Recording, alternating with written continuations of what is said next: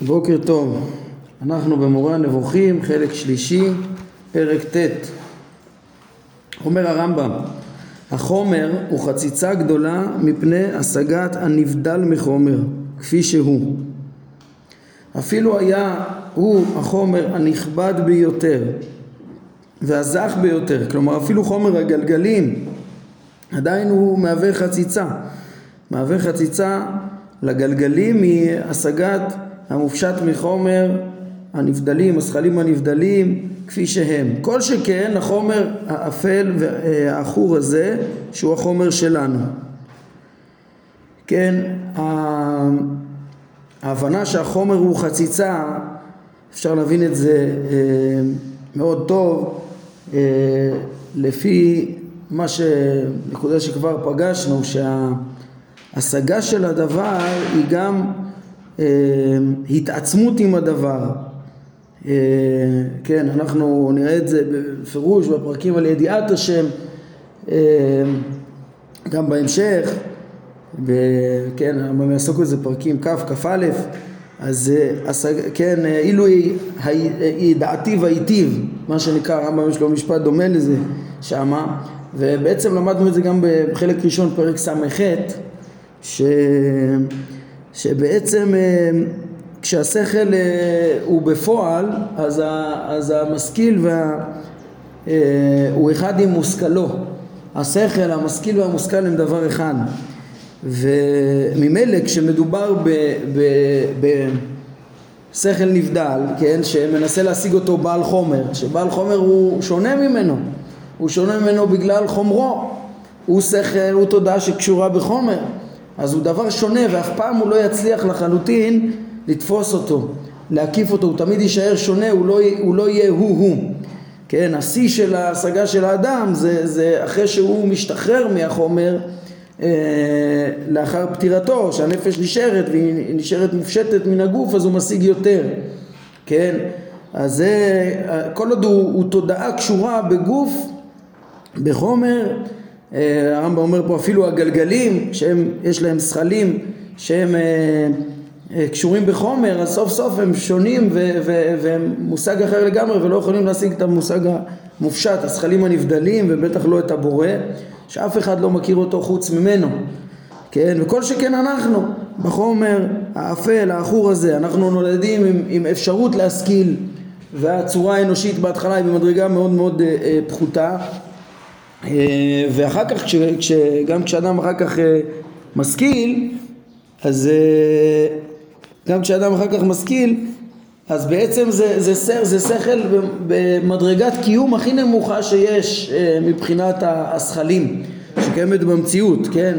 אפשר אפילו, לה, לה, אם מעמיקים כמו שאמרנו, אפשר להבין אפילו שלא רק הגלגלים לא יכולים בגלל החומר שלהם להשיג אה, אלא אפילו השכלים הנבדלים, הרמב"ם לא מציין את זה פה, הוא מציין את זה במקומות אחרים, למשל אה, פרק ב' בהלכות יסודי התורה, הוא מדבר על השגת השכלים הנבדלים, שלא יכולים להשיג את הבורא כפי שהוא, כן, רק הבורא יודע את עצמו כפי שהוא, הרמב"ם אומר שם, אבל כל מה שזולתו לא יכול להשיג אותו, למה?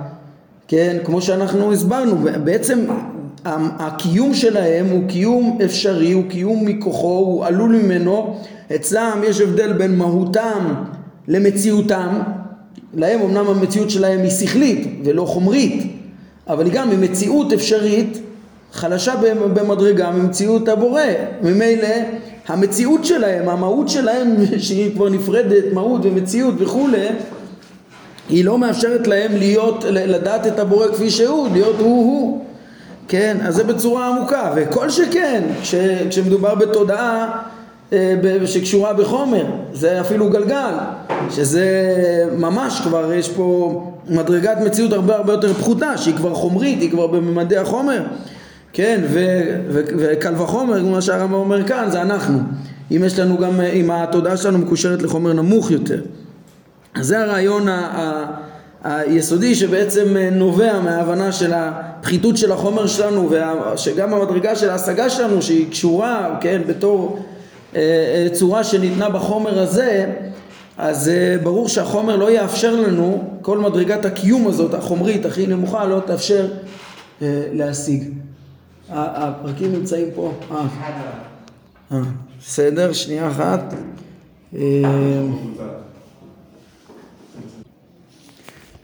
טוב, אז ה...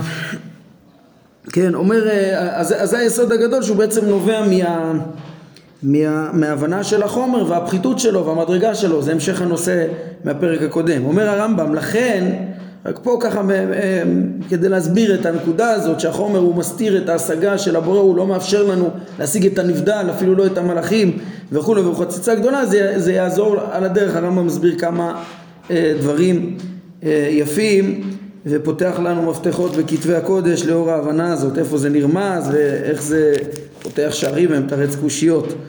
אומר הרמב"ם, לכן כל אימת שירצה שכלנו להשיג את האלוה או אחד מהשכלים הנבדלים הוא ימצא את החציצה הגדולה מבדילה בינו לבין כך, כן? ולכן אי אפשר, כמו שאמרנו, אי אפשר להשיג את הנבדלים עד הסוף, אי אפשר. מקסימום אפשר ללמוד על מציאותם, אבל להשיג אותם להבין אותם זה להיות הם, זה אי אפשר במדרגת הקיום שלנו.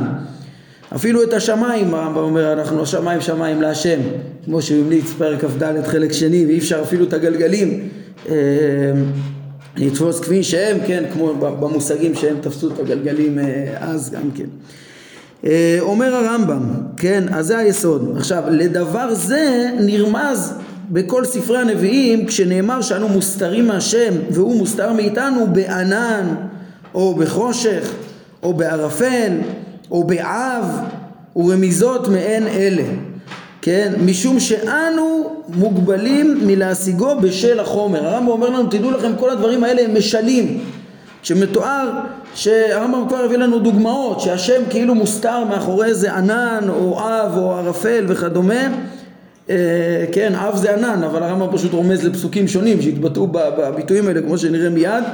אז בעצם, באמת הכוונה של, ה, של המשל הזה, זה שאנו מוגבלים על השיגו בשל החומר, כמו שמיד הרמב"ם יסביר, ולא ש... שהשם נמצא מאחורי העננים או משהו כזה. כן, הנה, תראו איך הרמב"ם מפרט את זה. אומר הרמב"ם, ולזו הכוונה במה שנאמר, ענן וערפל סביביו.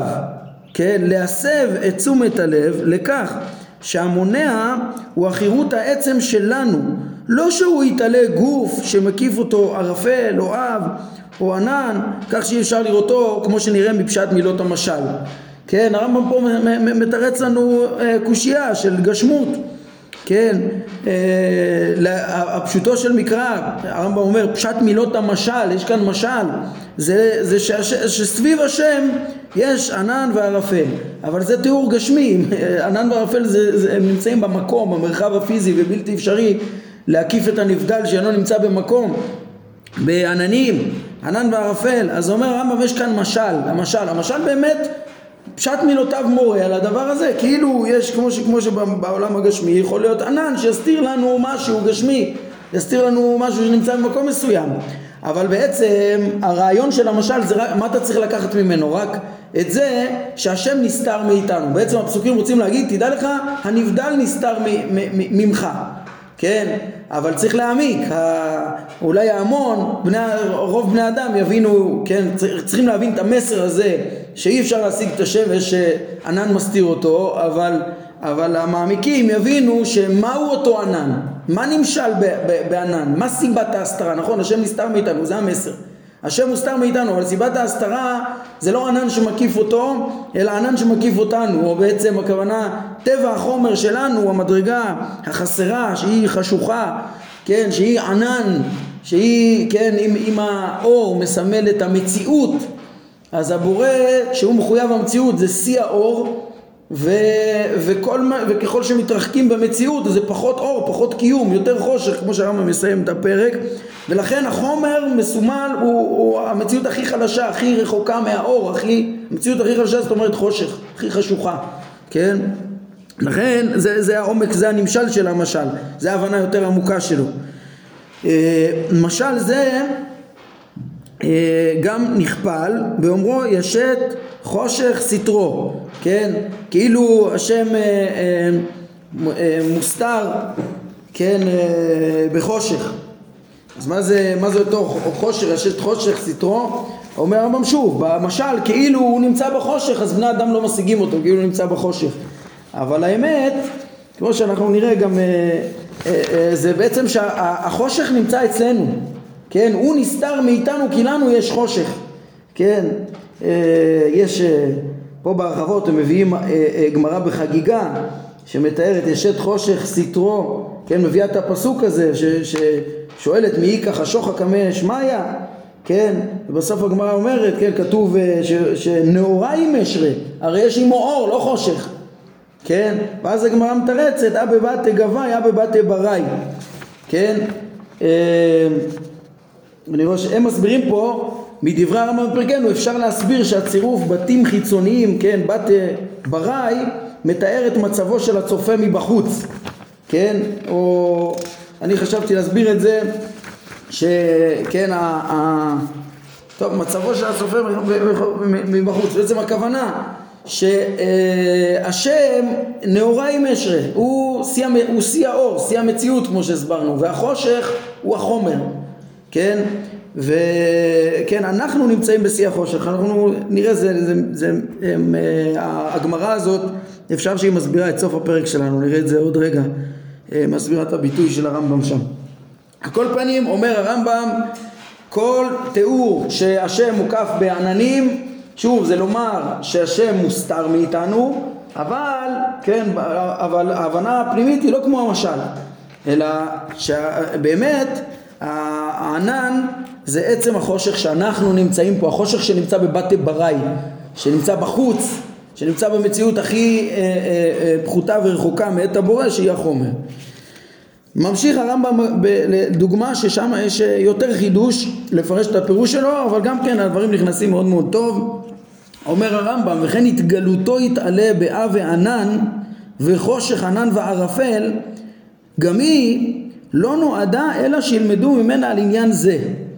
כי כל דבר הוא מושג במראה הנבואה אינו אלא משל לעניין כלשהו.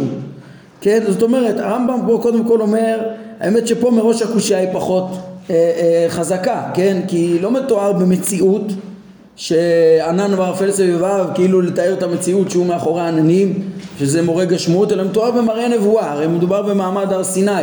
כן שהשם אומר למשה לגבי מעמד הר סיני הנני בא אליך באב וענן בעבור ישמע עם בדברי עמך וגם בך יאמינו לעולם. אז אני אתגלה במראה הנבואי באב וענן כן? או אחר כך בפועל הוא מתגלה בהר סיני מתוך אה, חושך ענן וערפל. אז הרמב"ם אומר שם זה לא קושייה כי שם זה נבואה זה לא מציאות כן? אה, אבל הרמב"ם אומר תדע לך אפילו שמדובר בנבואה נבואות אה, כל דבר מושג במראה הנבואה אינו אלא משל לעניין כלשהו. נבואות לא מוסרות דברים סתם. לא רואים אפילו בדמיון הנבואי שום דבר. למדנו בפרקי הנבואה בהרחבה הנבואות זה, זה השגה של שפע שכלי, של מסרי אמת, של, של אה, חייב להיות תכנים אה, נצחיים בכל אה, נבואה, בטח בנבואה העליונה הזאת של מעמד הר סיני. ולכן אם, אם הבורא התגלה שם בדמיון הנבואי, במראה הנבואי בתוך ענן וערפל ודאי שזה בא ללמד משמעות מסוימת. כן? אז אומר הרמב"ם אז מה, אז מה המשמעות שזה מלמד? אותו כיוון שראינו. ואף על פי שאותו מעמד גדול היה גדול מכל מראה נבואה וחורג מכל היקש לא היה זה כוונתי להתגלותו יתעלה באב וענן בלא משמעות. כן? אה, נכון ששמה אה, כן אה, היה מדובר בהשגה עליונה עצומה כן ראינו פרק ל"ג בחלק שני בפרקי הנבואה בתחילת פרקי הנבואה הרמב"ם דיבר על מעמד הר סיני איך שאומנם הרמב"ם אמר שלא כל ישראל התנבאו בו אבל כנראה רוב ישראל כל מי שהיה מוכן לנבואה התנבא וכל ישראל כולם באמצעות אותו קול מופלא שכל אחד השיג אותו לפי מדרגתו. משה שומע חיתוך מילים ישראל שומעים קול כל אחד לפי דרגתו ואפילו מי שאינו נביא כנראה שהתאמתה לו על ידי הקול הזה נבואת משה. זה יסוד כל כך גדול דיברנו עליו הרמב"ם מדבר עליו ביסודי התורה בפרק ח' מעמד הר סיני כבסיס של אמונת משה שהתבררה והתעמתה לכל הציבור כולו. אז שמה הוא, כן, גם בפרק ל"ג הוא אומר זה אי אפשר לתפוס בכלל מה היה שם, זה לא נבואה רגילה, זה נבואה ניסית, מופלאה אה, ש, שהייתה שם לאמת את התורה אז אה, אפילו שהיה שם אור כל כך גדול, זאת אומרת השגה כל כך גדולה, הרמב"ם רוצה להגיד שאפילו כאן שייך אותו פירוש. המסר של הנבואה שהבורא גם שם הגיע דרך אה, וענן, חושך, ענן וערפל, זה בעצם באותו מסר, כן? לא, לא היה זה ולא משמעות, התגלותו התעלה, כן? אה, באב וענן לא הייתה ולא משמעות, אלא להסב את תשומת הלב לכך שהשגת מהותו האמיתית נמנעת מאיתנו בשל החומר החשוך המקיף אותנו ולא אותו יתעלה כי הוא יתעלה אינו גוף. זאת אומרת אומר הרמב"ם שוב אה, ופה זה חידוש יותר גדול כי הרי לא מתואר סתם איך שהשם נעלם באופן כללי אה, מעיני רוב בני אדם בשל החומר שלהם. יכול להיות שרוב בני אדם גם שקועים בחומר בצורה מוגזמת גם, שהם אלה הם בכלל אה, אפילו את עיני, עיני הדעת שלהם לא פקוחות, עיני השכל הרגיל. אה, אה, פה מדובר אבל אפילו על, כן, על, על גבולות ההשגה גם של החכמים ואפילו של הנביאים ואפילו בשעת הנבואה כן, זה, אתם זוכרים, יש פרקים בחלק א', ל', ל', ב', על גבולות ההשגה של, ה, של, של, של החכמים, של השכל, איפה השכל כבר לא יכול לעצור, גם בפרקי הנבואה ראינו שיש מדרגות מדרגות בנביאים וגם להם יש גבול, אבל בעצם כאן הרמב"ם רוצה להגיד שאפילו לחכמים ולנביאים אה, אה, בעצם אמיתת עצמותו נעלמת, דיברנו על זה אפילו לפני משה רבנו, כן, ראית את אחוריי ופניי לא יראו, גם כן יש, ראינו על זה פרקים חשובים בחלק ראשון, נ"ד למשל, מרכזי ובעוד פרקים עם רמיזון אז ברור שמהותו האמיתית לא יכולה להיות מושגת ולכן כל מה שהשיגו בנבואה זה פחות מזה. ולמה? בגלל אב וענן, בגלל החומר.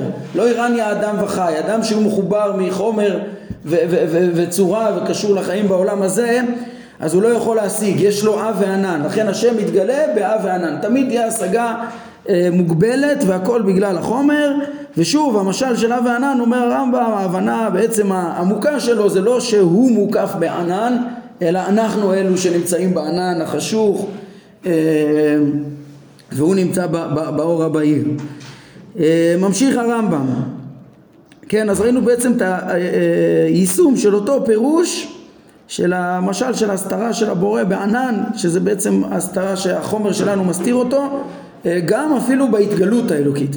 ממשיך הרמב"ם ואומר וכן ידוע ומפורסם באומה שיום מעמד הר סיני היה יום של עננים, ערפל וגשם קל. כן, ככה בעצם רואים משירת דבורה. אה, נאמר השם בצאתך משעיר, בצעדך משדה אדום, ארץ רעשה, גם שמיים נטפו, גם אבים נטפו מים. כן, זאת אומרת כשדבורה מתארת את מעמד הר סיני, מספרת שהיה שם עננים שנטפו מים, אז אומר הרמב"ם, כן, מסורת האומה שבאמת היה שם במעמד הר סיני גם אה, יום של עננים, עננים ערפל וגשם קל, כן, הרים נזלו מפני השם זה סיני, מפני השם אלוהי ישראל, זאת אומרת אז במעמד הר סיני גם היה, היה באמת ערפל ו, וגשם קל, הדברים האלה מתאימים גם למה שהרמב"ם אמר בתיאורים שלו של מעמד הר סיני, זה שהוא אומר ש... היה גם, היה הרבה דברים שם מהקולות וה, וה, והרעמים וכולי, והלפידים והר השן, הרבה דברים שם היו בנבואה והרבה דברים היו שם במציאות. היה שם דברים גם ניסיים הרמב"ם אמר, כן? חלק מכל הסוד של המעמד המופלא, הניסי הזה, של אותו קול שכל אחד שומע לפי מדרגתו ואף אחד לא כמו משה וכולי ואלה ש... ואולי לא כולם מוכנים לנבואה, אז להם התעמתו מציאות השם ואחדותו אנוכי ולא יהיה מפי ההוכחה של המ... ש... ש... שיצאה מהמעמד הגדול הזה וכולי אז, אז אני אומר שהדברים מתאימים שבעצם היה שם גם דברים במציאות הפיזית גם טבעיים, גם ניסיים וגם, וגם תיאורים אה, אה, נבואיים. אז אומר הרמב"ם תדע כן אם אנחנו עוסקים מהו האב האב וענן וחושך ענן וערפל שהיה שם אז גם ידוע ומפורסם שבאמת היה במציאות שם היום של עננים ערפל וגשם קל. כן אומר הרמב"ם לכן גם זאת איפה הכוונה בדבריו? חושך ענן וערפל. גם זאת. כן גם זאת. גם זה וגם זה. גם במציאות וגם בנבואה עם המסר שהרמב"ם לימד. כן לא שהחושך הקיף אותו יתעלה זה בעצם עיקרון שאנחנו ראינו אותו בהרבה פעמים בפרקי התארים, אה, סליחה, המונחים פרקי המונחים, מה שקוראים במהדורה הזאת, אנחנו קראנו לזה פרקי טוהר ההשגה. בחלק א' של המורה, שהרמב"ם הראה שיכול להיות פירוש לפנים מפירוש, כן? משה עלה אל האלוהים, הוא עלה להר, אבל הוא גם התעלה למדרגת ההשגה המופלאה שהוא אה, אה, אחר כך אה, גם נשאר שם אה, איתו עם השם הנה מקום איתי וניצבת על הצור אז הוא גם נמצא על, על ראש ההר אבל הוא גם מתייצב בתודעתו בדעת השם קבועה ונצחית ומתקיים כך לנצח וכולי כל המשמעויות האלה הכפולות. כן יש גם מקום איתי זה גם מקום בהר אבל זה גם מדרגת השגה של התייצבות על הצור. עוד פעם בהר וגם השגה. אז גם כאן עכשיו אה, אה, הרמב"ם גם אומר, אומר בעצם יכול להיות פה אה, שתי משמעויות למושג חושר ענן וערפל אבל מה שחשוב לרמב"ם כמו שם זה גם הרחקת ההגשמה. קודם כל הרחקת ההגשמה כן והיינו שבעצם אנחנו רואים תיאור קשה ענן וערפל סביביו.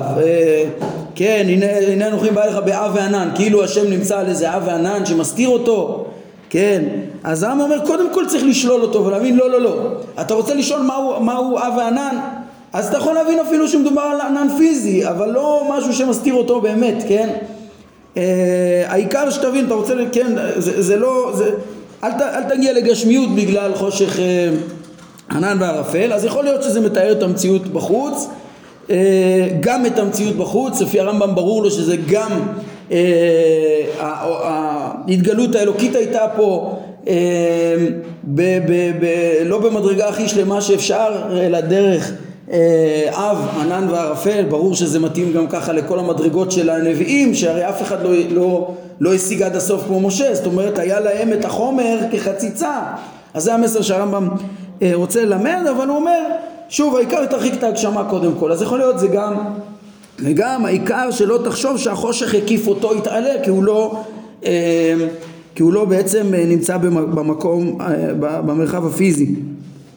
כן, והרמב"ם מסיים משפט שהוא אולי במחשבה ראשונה, בקריאה ראשונה הוא מפתיע קצת, קצת, הייתי מצפה שהוא יגיד עכשיו לא שהחושך הקיף אותו יתעלה, אלא כמו שאמר עד עכשיו, אלא החומר אה, פשוט מקיף רק אותנו. אבל הרמב"ם מסיים אחרת, הוא אומר כי אין אצלו יתעלה חושך אלא האור הבהיר התמידי שמשפעו מאיר כל חשוך כמו שנאמר במשלים הנבואיים והארץ האירה מכבודו כן?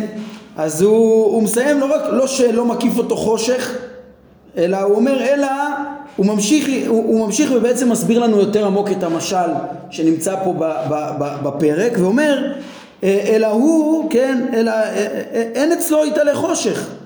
לא רק שהוא לא במקום גם אין אצלו את המושג חושך עכשיו לפי עומק המשל שאנחנו עוסקים אלא האור הבהירי התמידי שגם זה משל כן שמשפעו מהאור הבהירי שלו מאיר כל חשוך כן, כמו שנאמר בשנים הנביאים והארץ עירים וכבודו. מה, מה המשמעות פה? זה מה שהתחלנו לרמוז קודם. פה אני, אני מבין שהרמב"ם ממש מדבר על, על הגמרא בחגיגה, רומז, כן, הוא לא, הוא לא מביא אותה כי היא בעצמה משל סתום, כן, והיא לא... אבל בעצם, כן, הגמרא שם עוסקת בישת חושך סיטרו, ושואלת מי ייקח השוחק המשמעיה, ובסוף, הרי כתוב נאור האם אשרי. הרי איתו האור, זה מה שהרמב"ם אומר. מה, יש, תראו איך הדברים פה מקבילים. כי אין אצלו יתעלה חושך. זהו, מי ייקח השוחק המשמעיה? זה הגמרא בחגיגה י"ב, כן? אלא האור הבהירי התמידי, זהו נאור האם אשמה. ימי שרה, האור שורה עמו. כן? ושמשפעו מאותו אור מאיר כל חשוך. אה, זה וארץ עירה מכבודו. אז אם מעמיקים פה, אז אפשר להבין בדיוק בעצם מה הרמב"ם מתכוון. הוא מתכוון שהשם זה האור, הכוונה המציאות, כמו שפירשנו. זה שיא האור, שיא המציאות, וממנו שופע השפע, קודם כל הזכלים הנבדלים, זה כבודו. כן, ובסוף השפע הזה, הארץ מאירה מכבודו. היינו, הארץ היא הכי חשוכה שיש, יהיה חושך. החושך זה הארץ, זה החומר. כן?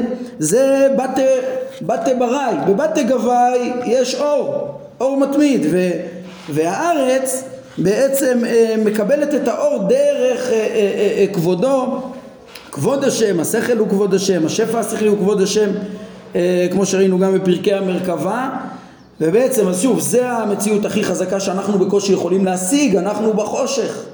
והאור הוא הולך ו- ו- ומאיר בהדרגה ממנו דרך הזכלים הנבדלים עד קצה החושך. אגב, פה במהדורה הזאת הם אה, רוצים לפרש פה בביאור שה... שגם ה, ה, ה, כל הדיבור על הענן של הגשם פה, שראינו, לתאר שבמעמד הר סיני היה ענן של גשם, זה גם כן משל לעניין הזה, כן? Uh, הכוונה ש, שהשם, יש את המשל שהענן, ככה הם מפרשים פה, יש משל ש, שהענן, הענן הוא מסתיר, uh, הוא החומר, הענן הוא החומר שלנו שמסתיר לנו את הבורא, ויש משל של ענן של גשם כאילו בתור אה, מקור שמשפיע. אני חושב שזה לא כתוב בדברי הרמב"ם פה, כן? כי אמנם הרמב"ם אה, אה, כן מדבר פה על אה, שהאור היא טוב ושהוא משפיע, זאת אומרת מבחינת התוכן הם צודקים, זה תוכן עמוק, יסודי, אה, ש, שבאמת הבורא הוא מקור ההשפעה שמכוחו קיים הקיום. אה, דרך השפע השכלי, כבודו והארץ מהירה מכבודו ואנחנו, המש, הנמשל הוא נכון. השאלה אם הרמב"ם מתכוון כשהוא הביא את, ה, את הענן של, ה, של הגשם רק לתרץ כמו שאני מבין מפשט הרמב"ם. להגיד תדע לך עוד אפשרות להסביר את הענן כלא דבר שהקיף אותו זה פשוט להבין שהיה שם גם עננים ש, שהורידו מים. כן לאו דווקא כמשל אני לא רואה ביטוי שהוא אומר על אה, הענן שהוא משל, אלא אם כן תגידו שהסיום של הפסקה, זה בעצם מה שהם אמרו, הסיום של הפסקה רוצה ללמד גם על הרישא, שענן גשם הוא גם משל עניין זה, לא משנה כל כך, כן, בעיניי זה קצת זה חלש, אבל זה לא משנה כל כך, אמ, כי הנמשל בכל מקרה קיים, ובסוף אה, אה, לא משנה אם הרמב"ם מתכוון לרמוז לזה או לא. אה, מה שאני רק רוצה להעיר, שאנחנו, מה אנחנו לוקחים מהפרק הזה, זה תשימו לב, זה פרק שהרבה פעמים לומדים אותו מחוץ להקשרו, אז קצת מפספסים, כן? המטרה של, מה המטרה של הרמב"ם בפרק הזה, בתוך uh, הרצף של תחילת פרקי ההשגחה שאנחנו רק מתחילים, כן? הרבה פעמים הרמב"ם פה גולש לפעמים לכל מיני נקודות, אבל צריך להחזיק ראש מה, מה, מה המסר המרכזי, כי יש בפרק הזה הרי אה, יש פה פירוש למעמד הר סיני, ויש פה הרחקת ההגשמה, כן? אבל זה לא המסרים של הרמב"ם, הרמב"ם לא בא להרחיק פה את ההגשמה, אם הוא היה בא להרחיק פה את ההגשמה אז זה היה נמצא בפרקים בש, של הרחקת המקום הפיזי, כן? מפרק ח' עד, עד פרק אה, כ"ח הרמב"ם עסק, וזה מסר בסיסי, הרחיק את דמות הגוף, הרחיק את המקום הפיזי, זה, זה, אם זה המסר של הרמב"ם פה, זה היה שמה, כן? זה גם לא בא, הרמב"ם גם לא בא ללמד אותנו פה על מעמד הר סיני, אפילו שהוא הוסיף לנו פה עוד פרט כן, הרמב"ם הרי דיבר על מעמד הר סיני בפירוט, מה קרה שם בחלק שני, בפרק ל"ג ועוד פיזר לנו רמיזות תוך כדי פרקי תואר ההשגה וכדומה במונחים. זה לא, מה המגמה שלו פה? היא מאוד מאוד ברורה, להבין את מהות החומר, כן, להבין את מהות החומר שהוא גם חוצץ לפני ההשגה, כן, שזה הנושא שלנו, גם בפרק הקודם המיקוד היה להבין מהו חומר, מהו צורה איך כל המגרעות, אה, הפחיתויות, הכיליונות, המחלות, החסרונות נובעים מהחומר, היינו בפרק הקודם, כן, העבירות גם כן וכולי. גם, החומר הוא גם בעצם בשל מדרגת מציאותו הפחותה, הוא מונע מאיתנו להשיג את העליונים, את הזכלים הנבדלים, את ה, אה, הוא בעצם מצמצם לנו את ההשגה אפילו, כן? וזה המסר ש, ש, שנמצא כאן וכן, אנחנו נראה גם בעזרת השם איך שאפילו שתי המסרים שכבר עולים מפרק ח' וט' על מהות החומר הם יהיו הם, מפתחות ועניינים יסודיים בהבנת סודות ההשגחה וסודות צדיק ורע לו כמו שיהיה בספר איוב. בספר איוב הרמב"ם ידגיש את הסוד של השטן שמתהלך בארץ שהוא ההיעדר הדבק לחומר כן והבנה של פחיתויות החומר יכולים להסביר איך יכולים להיות פגעים לאדם שהוא צדיק אבל לא, לאו דווקא חכם, לאו דווקא יודע את הבורא, לאו דווקא אה, זוכה להשגחה שת, שתוציא אותו מחוקי הטבע, אנחנו נראה. אז בעצם שם יהיה דגש גם על מה ש... גם לפחיתויות והחסרונות והפגעים שיכולים לפגוע באדם מצד החומר, זה שייך לפרק ח' וגם על החוסר יכולת להשיג את הבורא ואת דרכיו, שאנחנו נראה בסוף פרקי ההשגחה, לא, מחשב, אה, לא מח, אה, מחשבותיי מחשבותיכם ולא דרככם דרכיי, שלא נוכל לעמוד על, על, על הסודות ההשגחה האלוקית.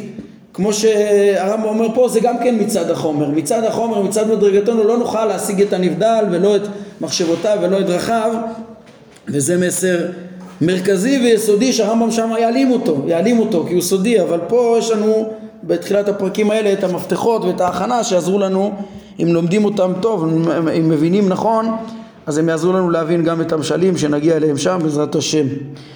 טוב, אז אנחנו נעמוד כאן להיום. ברוך אדוני לעולם, אמן ואמן.